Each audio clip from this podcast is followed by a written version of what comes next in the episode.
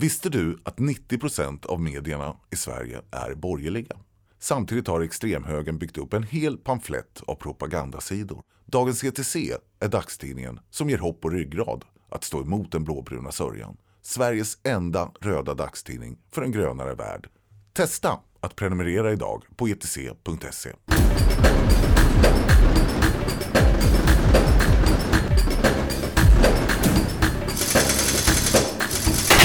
Jag är väldigt oroad för mäns skrev, vill jag berätta för dig Jenny Aschenbrenner och dig Klara Li Lundberg, redaktör och eh, reporter på magasinet ETC. Det här är, är K-ordet. Och du heter? Vad heter jag? Kristin Macmillan. Jo, jag är väldigt oroad för mäns skrev och det kan jag säga efter att ha sett den här aktuella Beatles-dokumentären Get Back på Disney+. Är det så här 20 timmar eller något sånt? Eh, bara åtta tyvärr. Okej. Kunde, är- är- kunde varit längre. Men är det hur skreven ser ut eller är det att skreven mår dåligt? Kan du utveckla lite grann? Jag Svampinfektion. Oh, nej, förklara Kristin. det kan bli så. Jag ska, jag ska berätta allt här. Men den här dokumentären i alla fall, den utspelar sig 1969, det är nästan 50 år sedan, när världens då mest kända och bakfulla band... 52 år sedan Ja, blir det. Ja, förlåt. Exakt. Eh, när de stängde in sig i en mycket kall filmstudio för att ge sig på kamikaze-uppdraget att bara på tre veckor skriva och spela in albumet som sen skulle bli Let it be. Killar alltså. Vad Vilka- de håller på. Ja, vilka, Rekord. to, vilka tokstollar Ja, va? för Ringo skulle ju spela in en film sen där i slutet av januari, så då kunde de inte göra någonting mer. En skitfilm visade sig sen. Så det var inte riktigt värt det att, att pusha så hårt. Verkligen inte, men det är lätt att säga i efterhand. Men eh, en grej som jag tänkte på när jag såg den här dokumentären är att Beatles framstår så mycket töntigare än vad jag hade trott. Alltså är det er bild? Att de är töntar. Alltså, Ja. För mig tog det väldigt många år att ta dem på allvar. Aha. Jag har nog gått en, en liksom bakvänd resa där när jag var ung så tänkte jag, men gud Beatles, vilka töntar, de kan Mm. vi inte lyssna på. Och sen har jag förstått att det finns andra dimensioner. Jag har inte sett den här dokumentären, men jag tror alltid att jag har tänkt att de är lite som ja, men vissa killar på högstadiet när man själv var ung. Liksom. Att de så här, tar sig själva på stort allvar, ska vara lite tramsiga, men tycker typ att de är genier. Eh, med det sagt, finns Vilket viss- många också tycker.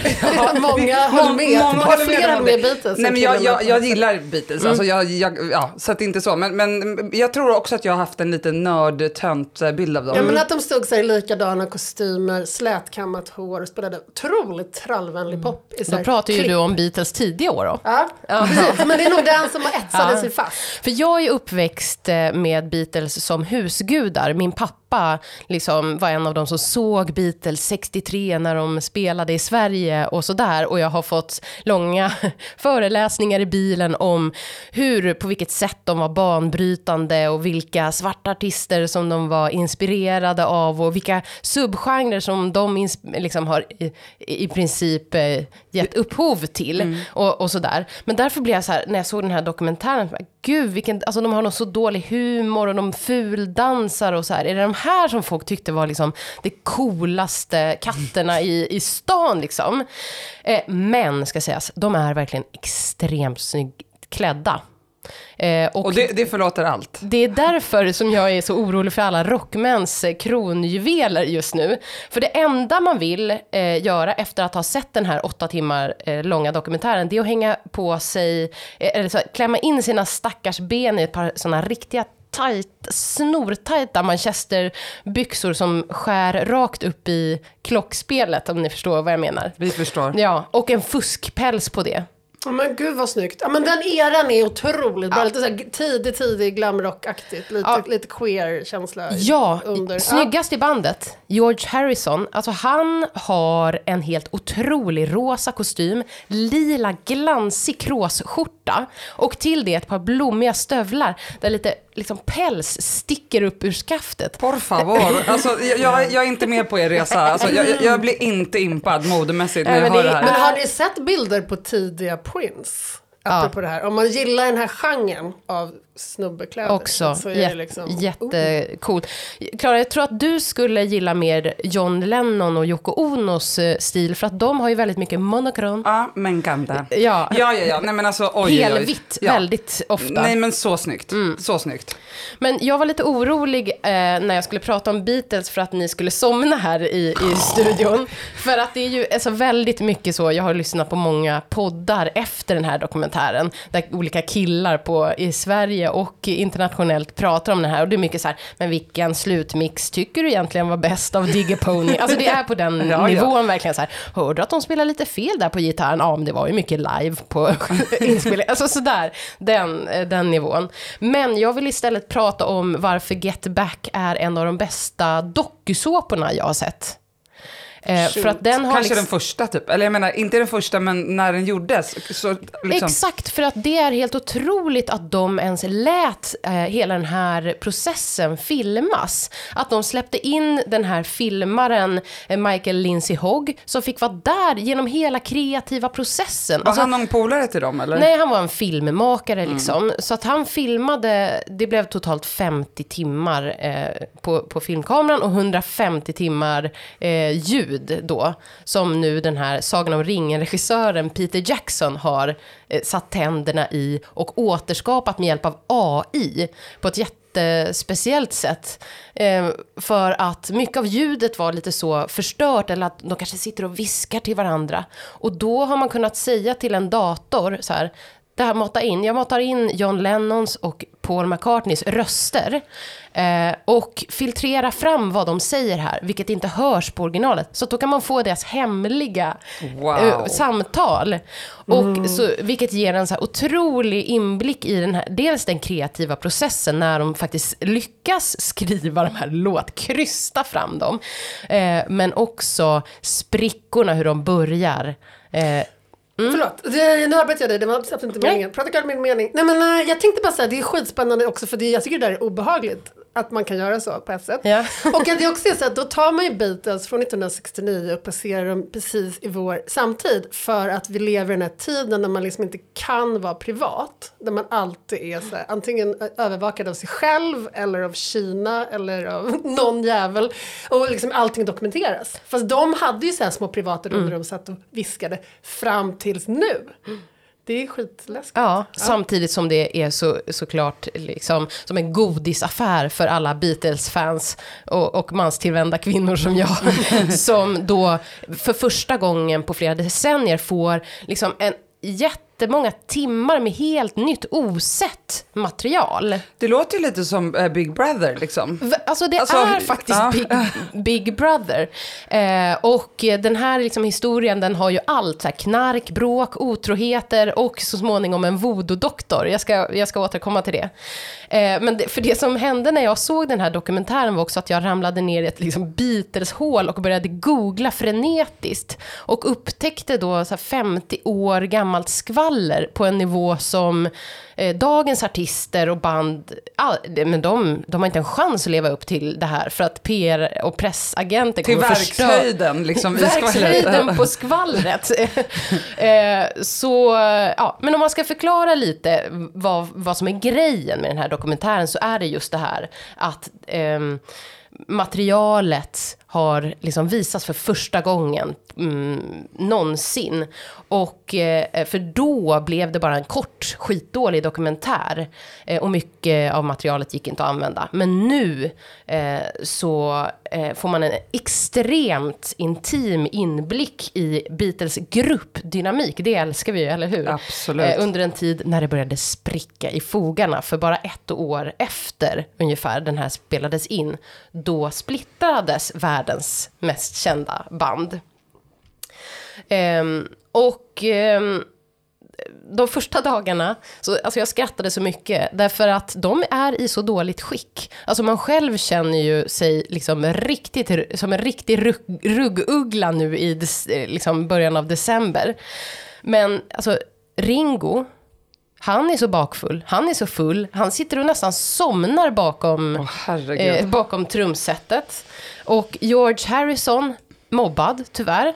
Fast han är snyggast. Fast han är snyggast klädd, herregud, det här med snygg, snygghetshierarkin, det stämmer ju inte. Nej, nej, nej. Nej. Vad mobbar de honom för? Nej men, så, mob, precis, mobbning kanske är lite starkt, men John och Paul, de har ju varit, tidigare varit så här kreativa ledare för Beatles. Och nu, eh, liksom, George har hela tiden, men jag har den här låten, och de lyssnar inte överhuvudtaget på honom. Han blir liksom överkörd eller? Förminskande. Förminskad. Samtidigt så är det så här, "Vä- ursäkta, vem är det där som sitter i ett hörn i vita skyn, skynken? Nej men då är det Georges Hare Krishna-kompisar som bara är där och kollar lite. Alltså det är så absurt. Paul, en riktigt störig, duktig Petter. Ja, men det ser man ju på honom, det ser som, man. Ja, som bara vill pressa fram prestation ur de här såsiga, håriga gubbarna. Nej, de var 28 kanske. Men, ja. men man kan förstå det, för John, han går på heroin och han är pisskär i Yoko Ono som han har träffat kanske ett år tidigare. Eh, och ja, men båda går på heroin och de är så kära, de vill liksom inte vara en millimeter ifrån varandra. Så hon, hela tiden när de repar, skriver låtar, så sitter hon på en stol precis bredvid honom. Och så här, läser tidningen och eh, stickar och, och det känns extremt, extremt tidstypiskt för det, skulle inte förekomma idag. Alltså det känns som att det där är ju verkligen eh, eh, liksom, ha ett minne på något sätt av hur du kunde, eller? Eller finns det tjejer som sitter idag, 2021? Fast grejen är att hon är inte en sån tjej. Du sa ju här innan Jenny, häxan som brö, liksom splittrade viset. Det, Det är berättelsen om Yoko. Jaha, det får stå för dig. Ska Ja, jag- ja, ja, jag har respekterar Yoko Ono djupt och innerligt. Jag tycker bara att den berättelsen är väldigt spännande. Den är och den har ju också att superintressant. göra med att hon, han, hon var lite äldre, eh, tror jag också. Och Eh, att hon var en konstnär i sin egen rätt. Och allt det där var ju skitläskigt. Ja, och eh, när hon kom in i Johns liv så var det så tydligt, så, här, men här, liksom, hon är ju en ascool avantgardistisk konstnär. Han ville vara med henne liksom. Eh, och hon, det narrativet att hon skulle sit, liksom, eh, komma in och förstöra, alltså hon, hon säger nästan ingenting. Hon sitter där och gör sin grej, det är bara att de vill vara i samma rum för de är så jävla kära. Det är, alltså, jag tycker på något, det är lite osunt men det är också lite fint så. Ja, det, det är sällan man hör om just den, den, alltså den extrema nivån, men... eh, Mm. Men det jag upptäckte var att geggan bara fortsatte efter att Beatles splittrades då en, ett år eh, efter. Så, därför ska jag nu avslöja listan. Det största bi- eh, svinet i Beatles. Är ni sugna? Ja. Jag tänker vi börjar med liksom bakifrån då. På plats nummer fyra. Vem tror ni? Ringo Ja, Starr. Ringo såklart. Alla gillar ju Ringo sägs det. Men det är för att han inte, eller jag vet inte, jag känner inte Ringo, men, och jag har inte ens sett den här dokumentären. Inte 80 Nej, men- 80-årig gubbe som... Nej, nej, men jag menar bara att så här, han känns så himla oförarglig. Liksom. Mm. Han har bara varit en jävla gruppmedlem och medspelare. Liksom. Ja, han kom ju in sist i Ja. bandet också. Eh, och, men han bara sitter där, är lite härlig. Han kräver ingen plats som de andra verkligen gör. Och även underskattad enligt Bulletins chefredaktör va? Just det, som, som trummis. Ja. Nej, men det som är tydligt i dokumentären är att han är den enda lagspelaren i Beatles. Alla de andra är liksom så, ja men de är konkurrenter. Narcissister, Ja, liksom. narcissister, verkligen. Eh, och det finns en till lagspelare som kommer in, en, en keyboardist som heter Billy Preston. Eh, och då börjar alla skärpa sig enormt mycket för att de inte vill göra, liksom, vara sådär otrevliga när någon annan är i rummet. Men han räknas inte och sen blir han eh, dömd för pedof- pedofili. Så att, ja. Eh, plats nummer tre. Eh, George Harrison. Rätt jävla grinig eh, under den här tiden. Alltså vilket man förstår då. För att han blev så undanskuffad eh, kreativt. Eh, men högst på hans svinometer är att han i början av 70-talet var otrogen med Ringos fru, Maureen. Vilket upptäcktes av George Harf- Harrisons egna fru, Patty Boyd. Alltså Just vad är det? ja. Vad är det här för en liksom, total gegga? Men ändå kan man, alltså här, Ringo Starr, kanske inte så kul att vara ihop med honom. Och sen så finns det liksom en, hans kompis och bandkompis som är så här snygg och rolig och inte ett svin. Man kan ändå lite förstå, eller? Mm. Alltså jag vet inte, men en parentes är också att under den här tiden så var George Harrisons bästa kompis, gitarristen Eric Clapton, han var olyckligt kär i George Harrisons fru i flera år. Eh, och han gick till och med till en Nor- New Orleans-musiker som sades ha voodoo-krafter för att få en trolldryck för att göra George fru kär i honom istället. Alltså, Men det är också någonting med det här att de här liksom, de människorna sent, sent 60-tal, de vill vara på något sätt helt fria nya människor. Den nya Ah. gryningen ligger framför dem. Samtidigt så går de in i de här småborgerliga konstellationerna och så Ah. gifter de sig. Bara, nu har jag min fru och jag har min man. Alltså det är någon dubbelt i det där. Alltså, så här, man hade ju också kunnat tänka sig att de hade struntat i det där och bara varit en härlig Varit grupp av människor som hade kunnat ligga lite med varandra utan en massa, Nästa dokumentär. utan en massa brackiga skuldkänslor Verkligen. och ägande exakt, free, anspråk. så mycket för free love. Hur? Det blir bara, här blir mer så här frubytar-aspekten av 60-talet. Men hittills har du inte gjort mig förvånad. Jag, jag kunde tänka mig ändå att de två hamnade längst ner Ja. på skitstövellistan. Men frågan är vem som är värst. Vem är värst? Eh, nu ju, har vi plats nummer två och ett. Eh, jag frågade en gubbe på redaktionen, man snackar ju lite med grabbarna. Sådär. Ja. Har ni sett den? Ja. Manstillvänd som du är. ja, ja, visst. Men han trodde att Paul skulle vara på nummer ett. Men det stämmer inte, för Paul är på plats nummer två.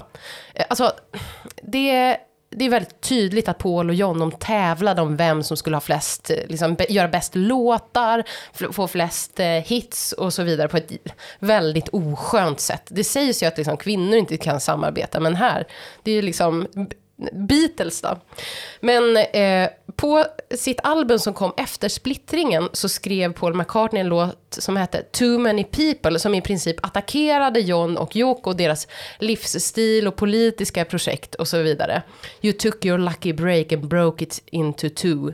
Som att liksom det var John och Yokos fel att Beatles sprack. Och på albumet så hade han en bild av två skalbaggar som parar sig. Fucked by the Beatles.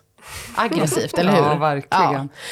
Men nummer ett, Åh, lille Paul. största svinet. Då har vi ju John kvar.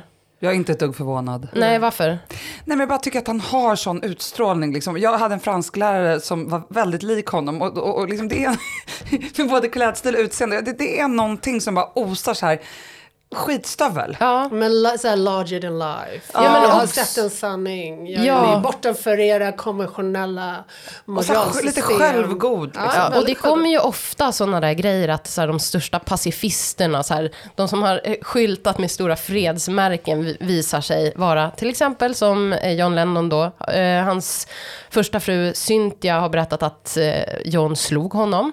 Henne. Henne, förlåt. Han övergav sitt första barn, Julian, för att vara med Yoko Ono och ta heroin. Eh, och efter Beatles splittring så skrev han låten How do you sleep om Paul. The only thing you done was yesterday. Alltså du skrev ju bara den här låten yesterday. Eh, så förminskande. Jag tycker nästan lite synd om stackars lilla tråkiga Paul. Inte han så här killen eller tjejen i grupparbete som bara “men skärp er nu då, skärp er nu då”. Men alltså John är den som så här ritar kukar Mm, i läxan och som alla tycker är tufft.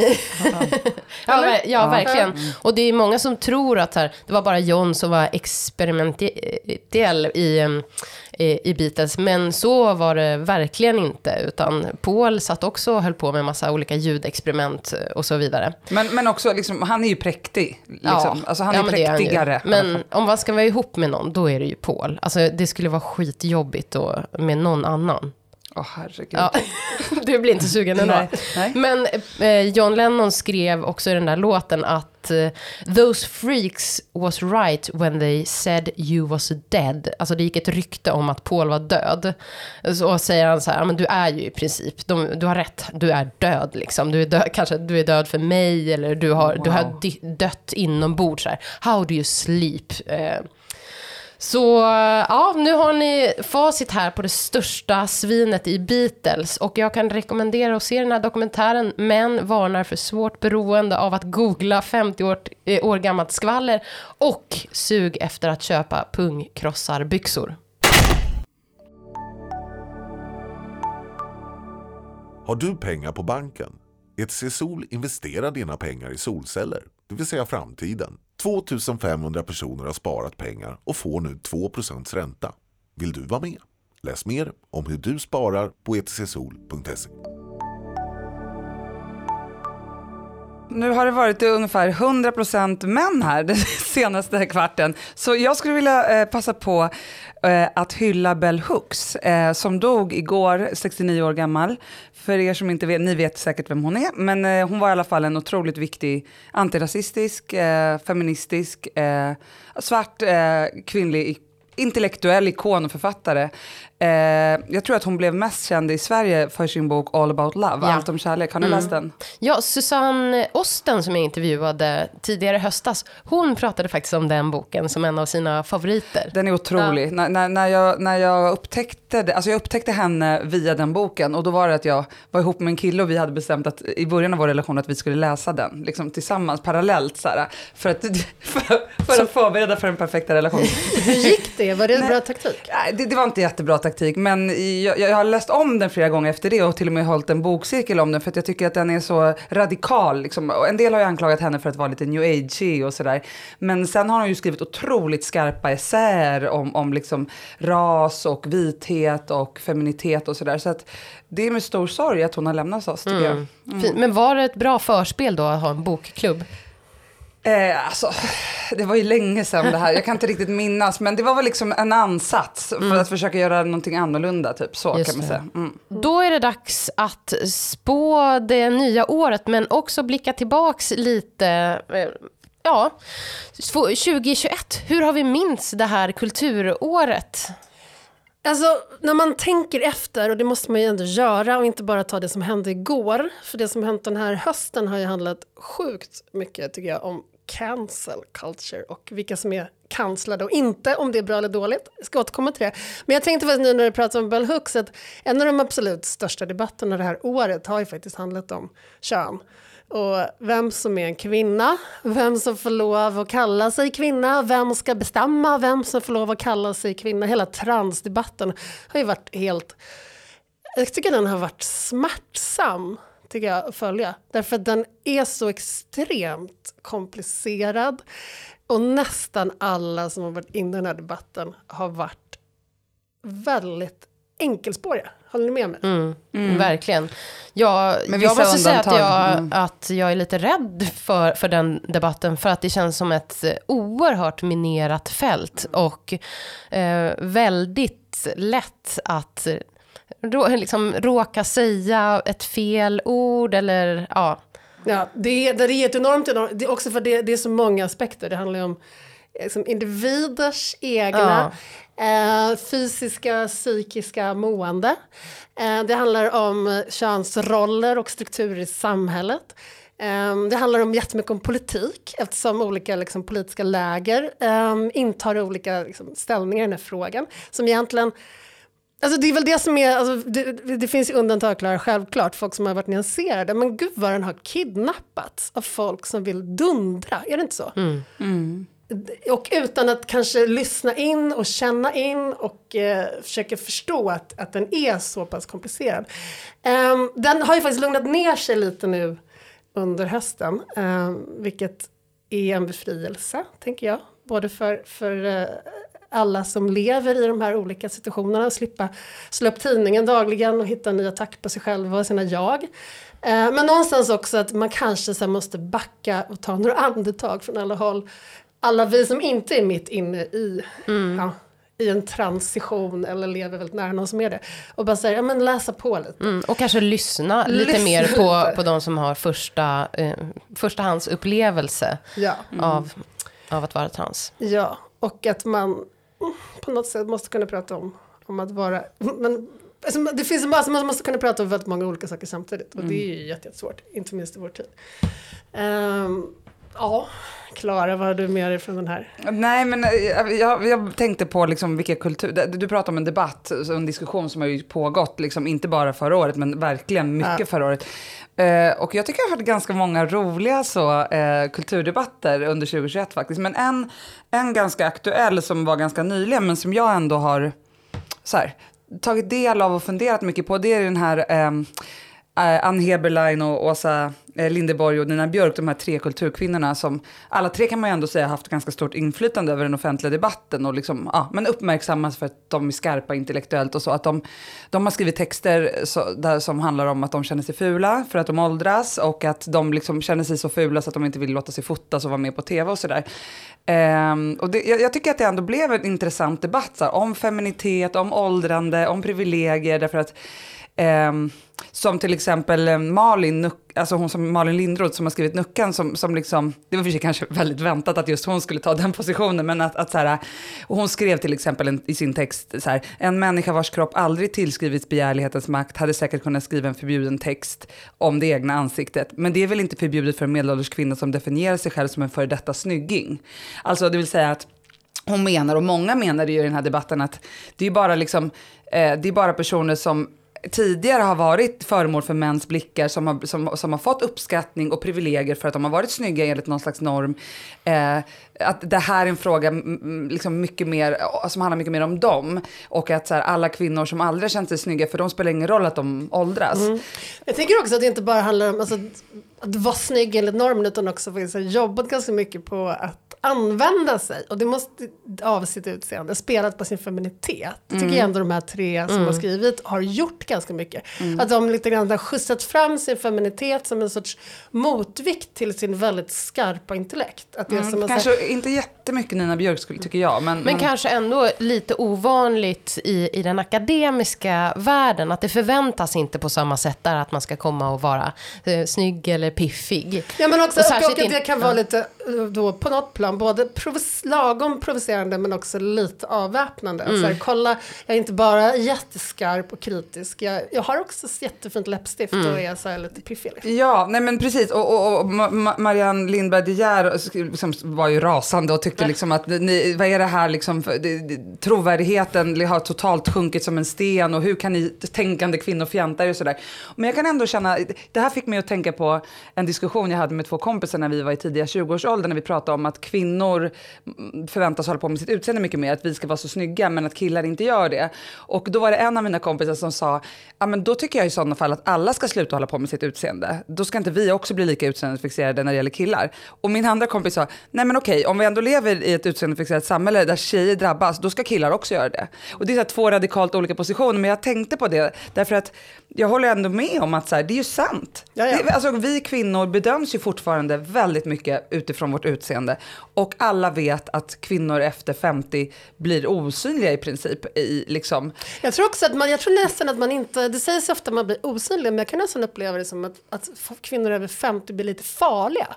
Att de upplevs som lite skrämmande. Säkert det också. Men, och men... därför så tittar man inte på dem. Alltså, så här, det är alltså motsatsen, att det är så här, någonting läskigt med dem. För att de inte är, de är inte inne i någon reproduktiv... Det är många som pratar om det också, att det handlar om någon så här, man är inte liksom rep, inne i en reproduktiv fas längre. Och man är inte fertil typ. Man är inte fertil, mm, precis. Mm, mm. Eh, och därför så har man hamnat liksom på andra sidan på ett sätt, könsrollspelet. Det har man inte gjort helt och hållet, men det mm. finns ju de som pratar om det på det sättet. Och det, då blir man kanske också lite stark och lite farlig.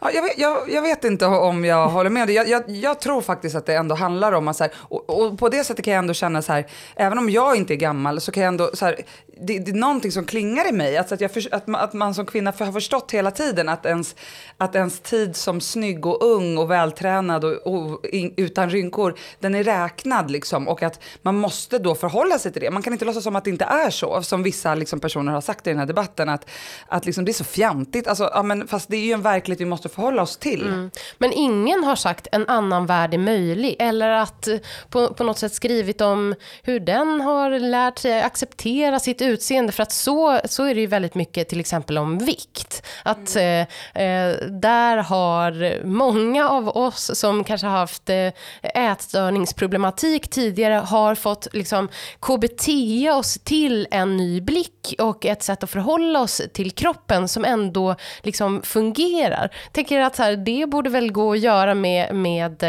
eh, ansiktet eh, och rynkorna också. Jag tror att det är lite så här att det finns en aspekt av att det är skamfullt att överhuvudtaget prata om det. Och det är väl det som jag, jag kollar verkligen med dig Klara om att det här existerar ju. Och att, men det har varit så pinsamt att benämna det. Alltså så här, det är pinsamt att åldras, det är ännu mer pinsamt att låtsas om ah, att mm, man gör det. Mm. Och då blir det att, då, jag tror att väldigt, väldigt många kvinnor kör bara liksom. Ja. Men, men att gå ut och prata om det är fortfarande tabubelagt. Och där kan jag tycka att den här debatten har en funktion. För det är liksom som att det finns, det är, som sagt, det, det är en sak att vara gammal och synas i tv och sen att dessutom prata om att man tycker att det är jobbigt. Där har man ju det stora tabuet. Och att vi behöver kanske kliva igenom den här aspekten av diskussionen innan vi kan nå fram till Just det, för tidigare annan- var det så här, vi pratar inte om bantning, vi pratar inte om att man känner sig ful för att man kan så här, få, få andra att känna sig fulare och... Ja, det är, och, t- det, det är triggers Ja, det är liksom. triggers. Mm. Men nu så är vi, nu har pendeln svängt och nu är vi här där man pratar eh, mer om det. Man ska i alla fall inte lägga locket på bara. Nej, men, men Mm. en person som har närmat sig det perspektivet som du efterfrågar, Kristin, det, det är ju Anna-Lena Laurén i DN, deras korre. För, för att hon, hon, hon skrev, alltså hon var med också i, i Studio 1 tror jag, eller om det var Kulturnytt. Men, men hon skrev också en lång text i DN om det, att så här, för henne, Ja, men hon skrev till exempel så här, den mest underbara saken med att bli vuxen är den berusande känslan att inte längre bry sig. För att hon, hon, som tonåring brydde hon sig också jättemycket om att vara den snyggaste och att alla killar skulle tycka att hon var snygg. Och att, att, liksom, att hon tycker att det är svårt att förstå varför intellektuella kvinnor inte vill ha friheten som det innebär att liksom, ja, från, liksom, eh, säga upp den där, äh, den, där, äh, den där tvångströjan som det innebär att hela tiden vilja behaga. Så här. Men jag menar, jag vet inte, jag tycker alla de här perspektiven är relevanta och som kvinna så känner jag själv att så här, jag, jag, tycker, mm, jag tycker att den här debatten har, har behövts och så här, jag, jag tycker inte att det är ett, ett problem i sig att, att äh, att liksom framstående, framgångsrika kvinnor som ändå fortfarande tror jag av många bedöms som så här, snygga, liksom, att de har åldrats bra och så här, att, de, att de har skrivit de här texterna. Jag, bara, jag tänker bara att så här, det är ytterligare ett inlägg i debatten om vad är att vara en samtida kvinna. Liksom. Jät- Vad- vad- Jättebra. Ja, vad, vad har du med dig för kulturdebatt? Som Nej, har men fastnat? jag, jag har pratat så mycket om Beatles, så jag tänker att eh, ni, får, eh, ni får fortsätta nu med era eh, spaningar inför nästa år. Börjar du Jenny? Eh, nej men frågan är vad man tror och vad man önskar. Ex- Väldigt bra att du gör den distinktionen, för folk missuppfattar alltid. Ja. Mycket bra Jenny. Ja. Eh, och jag, jag har ju tänkt mycket på det här med, vi har pratat både om cancel culture och Tinder här i podden inte minst och överallt på kultursidorna. Eh, och någonstans så handlar ju båda de här sakerna om att vi, att vi hela tiden syns. eh, Och finns. Och frågan är, finns vi utanför offentligheten? Det var därför jag reagerade här också när du pratade om Beatles. Att deras små hemliga viskande samtal i hörnen plötsligt lyfts upp i offentligheten. Eh, och frågan är, och kommer det här bara bli mer och mer och mer så? Att vi går runt med våra personor som stora liksom, så här, plakat på, oss och liksom i varje sekund är fullständigt genomlysta och offentliga. Gud vad jobbigt. Fruktansvärt jobbigt. Ehm, så min önskan kanske för nästa år är att vi hittar nya privata sfärer, nya ställen att gömma oss på. Nya små hörn där vi kan viska med varandra och där ingen hör oss. Nya små hörn där vi kan bygga relationer också som inte hela tiden handlar om ehm, kanske de offentliga checklistorna av vad som är en perfekt person eller av en partner som passar ihop med ens image eller en kompis som passar ihop med ens image. Får, får jag bara säga en sak? Eh, det, för jag hade, jag hade också funderat på så här, fanns det någon trend som vi kommer komma ihåg från 2021? Och det hakar i lite det du säger för att det här, eh, apropå Tinder då, att, att det här var ju också året där man började prata om kulturskribenter som skrev kontaktannonser kamouflerade till texter. Alltså jag vet inte om Ja, ni minns, alltså, ja. det började redan 2018 med Greta Thurfjell och sen var det ju han, den här Volcel, frivilligt celibat, Carl Cederström i Svenska Dagbladet. Och sen kom ju då Augustin Erbas med sitt storkukslugn. Alltså, eh, eh, apropå det du säger, det är också en del av det där, liksom, att, att, eh, att till och med, liksom, vad ska man säga, försöka ragga i, i det offentliga genom att skriva texter om, ja, ja, så jag bara tänkte på det när du sa. Ja. Ehm, en variant av det där skulle faktiskt vara att vi slutade skriva med namn. Det har ju blivit mer och mer att allting man skriver har en liten bild by line. Vi har det i våra tidningar. Ehm, vi kanske ska börja skriva under pseudonym. Ehm, jag tänker också att den, hem, den hemliga klubbar, kanske boudoirens återkomst. Wow. Mysigt. Ja. Eh, en hemlig vrå att, eh, att viska i. Kanske att man... Önskar jag mig inför 2022. Ja, vad mysigt. Och kanske att man börjar skicka bilder till, liksom bara smsa bilder istället för till folk som man faktiskt bryr sig, istället för att lägga upp dem i olika sociala medier. Eller så skriver man ett brev, brevet har börjat återkomma Aha. här, och lägger in ett fotografi i ett kuvert. Oj. Just det. Det kändes Men- lite väl så, liksom, Amish. ja, amish, verkligen. Nej, men jag, jag, har ju, jag, jag ska inte kokettera med att jag inte har sociala medier, det ska jag inte göra, men nu gör jag det ändå. Eh, men Tycker det, Nej men alltså det är ju jätteskönt, alltså, Mm. apropå det där med hemliga rum och så. Eh, att liksom, det gör ju att man kan vara lite mer hemlig liksom. Och man, folk kan inte googla, alltså, jo de kan googla på en men ja. Men jag har, jag har inte, Eh, för det var väldigt bra att du sa det där eh, Jenny, apropå distinktionen mellan vad man hoppas ska bli inne och vad man, och vad man vill ska bli inne. Men jag, jag har tagit med mig tre korta trendspaningar där jag liksom, som jag ser kommer komma eh, nästa år. Är ni beredda? Ja. Yes. Eh, en är, handlar om litteraturen och jag tror att den radikala fiktionen kommer komma. Det vill säga som en motreaktion mot det här autobiografiska och autofiktion. Framförallt bland yngre författare. För jag tror liksom att man vill inte uppfattas som slapp, man vill inte bli läst 100% som självbiografisk. Så jag tror att under 2022 tror jag vi kommer se fler boksläpp där liksom författaren verkligen har ansträngt sig för att skriva fiktion som liksom är så långt ifrån eh, sig, sig själv som möjligt. Gud, vilken spännande Menar du då om trend. Ja. politisk eller Tack. menar du alltså, väldigt fantasifull? Alltså så här, Nej, men, um, i- alltså, att man har bemödat sig om att, att det ska, att det ska märkas för. att man, har, att man är Kerstin Ekman, typ. Alltså, om du, de stora romanvärldarna, långt bortanför. Ja, det behöver inte vara stora, men just att, att ingen ska kunna säga så här, du har bara tagit en egen dagbok. Liksom. För det har ju också varit så, även det finns det ju folk som har skrivit rakt av sina egna dagböcker och det är ju mer transparent. Men jag tänker att det har vi haft så himla, och jag, jag tycker ändå att jag börjar se det, att det finns en avmattning och att som ung författare vill man ju bli tagen på allvar. Och man kan inte, alla unga författare kan ju inte debutera med en, liksom, i princip självbiografisk bok om dating. Går runt på Södermalm och har ångest, gå till sin terapeut, ligga. ha BDSM-sex. Men kanske om en kentaur gör allt det här. En kentaur som går runt och mår dåligt på Södermalm. Det blir lite mer science fiction eller? Fantasy. Ja. Fantasy. En till grej som, och det här säger jag med sorg i hjärtat. Jag tycker, tror att kött, eh, alltså köttätande och jakt kommer bli mer normaliserat. Det har det redan blivit. Ingen verkar skämmas. Är det en vegan-backlash? Nej, men typ att, att så här, det- lite liksom med flyg, liksom att, att så här, ingen skäms för att äta kött. Jag trodde ändå att det fanns en lite så här, alltså, men jag ser influencers, de liksom visar upp stora köttstycken, skink, alltså skinksmörg, alltså jag tror, jag, jag är så chockad när folk lägger upp skinksmörg och så här.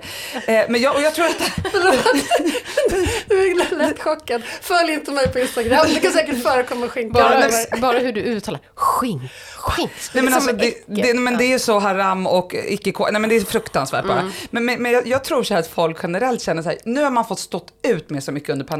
Liksom. Och nu när den någon gång liksom ska ebba ut eller, liksom, eller om den inte gör det, då är det ännu viktigare att säga, nu måste jag få äta det jag tycker är gott till exempel. Och det är kött tycker många. Eh, och liksom den här myten att, att jakt framförallt handlar om att vara ute i naturen. Alltså, jag, jag tror tyvärr både de här, kött och jakt kommer bli ännu mer normaliserat. Men hänger inte ihop det där med att jaga? Det tänker jag hänger ihop med den här, ja, men dels är det som prepperkänslan. Ja, absolut. Jag vet att det fick en helt sjuk effekt, eh, den här eh, naturintresset, alltså en viss sorts män från innerstan som åkte ut till Nackareservatet med stora knivar. Ja, jag vet. Eh, och fick för sig att de skulle liksom så här, typ döda en ekorre och yxor, de skulle hugga ner ett träd. Så att de här stackars parkvakterna fick gå runt och så här, stoppa folk Aha. som skulle liksom leva vildmansliv. Ja, men det är lite så här... Park. jag vet att man inte använder hashtag längre, men jag gör det nu ändå. Hashtag Kalle Zackari. Alltså det är verkligen det. Det så- kom ju nyheter eh, ja, men väldigt nyligen om att så här, vildsvinsjakt är eh, positivt för klimatet Mm. och så vidare. Ja. Nej, men jag, Bara slänga in det. Som sagt, var, så, GV. Så, GV. Käll, källa GV. Och Nour El Refai. Nej men jag säger det här med sorg i hjärtat eftersom jag är radikal köttmotståndare. Men eh, tyvärr så tror jag att det kommer komma. En sista liten trendspaning som handlar lite mer om mode. Det är det här. Långt hår på tjejer, alltså jävligt långt. Alltså inte, ingen kommer ha kort hår tror jag. Utan man ska ha långt hår i kombination med en slags osminkad look men ändå ha jättemycket aktiv hudvård. Alltså det ska se ut som att man omfamnar sitt åldrande men egentligen gör man jättemycket för att se naturlig ut. Eh, det, det är naturligt, alltså den, inom citationstecken, det, det har ju funnits länge, men, men jag tror, apropå det vi pratade om, den här debatten om att åldras och så, att, att det här kommer komma liksom. Ehm, Det får inte synas att man ansträngt Nej, sig. Lite mini-injektion, mini-injektioner av Mikro- botox. ja. Mm. Mikro, mini liksom. Eh, ja, så det, det tror jag är... Okej, så eh, de här eh, ankeläpparna, kommer de försvinna Nej, lite? alltså, jag- ja, de kommer absolut försvinna. Ah, Och de som har såna här smala, mm, jätte, jättesmala, de kommer omfamna det tror jag. Alltså Mm. så här, jag tror liksom, men återigen, det ligger ju lika mycket produktion bakom det, så det är inte något radikalt eller feministiskt i det. Eh, men mer typ som att, apropå alltså, det är pinsamt att prata om att man känner sig ful när man åldras. Eh, Alltså, svaret på det blir då istället att man utåt sett ser ut som att man är en naturlig kvinna, men man lägger ner jättemycket tid på att det ska se ut så. Mm. Ja, men det är som är tydligen att så här, väldigt rika människor inte klär sig så här glammigt längre, Mm. utan i sportkläder. För det är mycket med status att visa upp sin vältränade, perfekta kropp i ganska så enkla kläder. Tack. Jag skojar bara. Eh, vilket ju hänger ihop med det där. Tar också åt mig. Att det kanske egentligen är ännu mer av en klassmarkör att ha den här Mm. perfekta hyn och perfekta kroppen än att ha dyrt smink eller dyra kläder. Ja, man kan tycka att den här spaningen sista är lite daterad. eh, Det, kan man tycka. Men jag, jag, jag tror ändå att eh, liksom det, det är en tendens som kommer bubbla upp ännu mer. Liksom. Ja, det, det var mina trendspaningar. My, ja. Mycket spännande. Jenny, hade du någonting mer som du tror om 2021? Nej, men jag har funderat lite grann på det här, det har också ihop med skönhetsdebatten men också med förlossningslitteraturdebatten. Eh, det har funnits en liten tendens att så här, kvinnor talar om för kvinnor vad de ska prata om och skriva om. Alltså så här, det här lite uppläxande tonen i vissa så här, typ artiklar. Alltså typ Ehm, kritiker och skribenter. du? Ja, men precis. Att så här, varför ska tjejer hålla på och skriva om såna här jobbiga saker som att de föder barn? Eller varför ska kvinnor hålla på och skriva om så här töntiga saker som att till jobbet och åldras? Jag kan bli vad tror, provocerad av den där tonen. Jag tänker att allt mänskligt tillhör litteraturen trots allt. Alla, te alla tematiker måste få finnas där. Och det känns väldigt så här Eh, tråkigt och lite typiskt att det är då kvinnor som läxar upp kvinnor. För jag får också den här känslan av att det handlar om att eh, ja, men nu när vi äntligen har lyckats ändå nå någon typ av positioner i samhället och bevisa att vi inte bara är våra kroppar så får inte någon så annan kvinna komma in där och, med sin kropp eller sin, sitt rynkiga Och ansikte. underminera det här förtroendet som man, liksom, ja jag förstår. Ja men precis, och det tror jag hänger ihop med det där också varför inte fler som pratar om hur de omfamnar sina rynkor. Jo, därför att man ska bara göra det med värdighet och man ska inte snacka om det. Ehm, kvinnor måste naturligtvis få skriva om alla typer av ämnen som är, tillhör ett mänskligt liv. Men då tänker jag så här, de här typen av feministiska debatter eller antifeministiska debatter, de brukar ju börja hos kvinnorna och sen flytta över till männen. Så nästa år kanske män kommer börja läxa upp varandra om vad män skriver om. Mm, Det precis. skulle kunna vara lite spännande. Inga fler kuktexter nu, Augustin Erba. och Sånt till exempel. Ja. Och nu är det nog liksom. Ja absolut, det är intressant.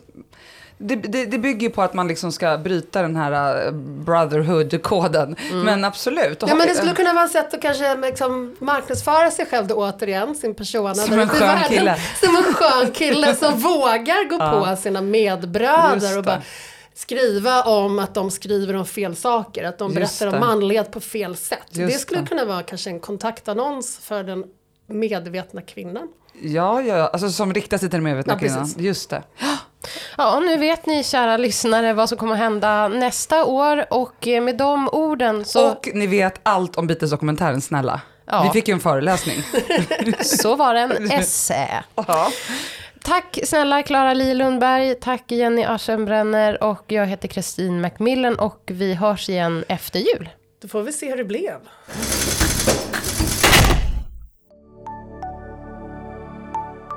Vill du spara och samtidigt göra världen lite renare? Då har ETC tagit fram en lösning för dig. Vi har startat ETC Bygg för att få igång byggande av hyreshus utan vinstjakt, utan miljöförstöring och med lägre hyror. Spara direkt i husen till 2% ränta. Läs mer på etcbygg.se.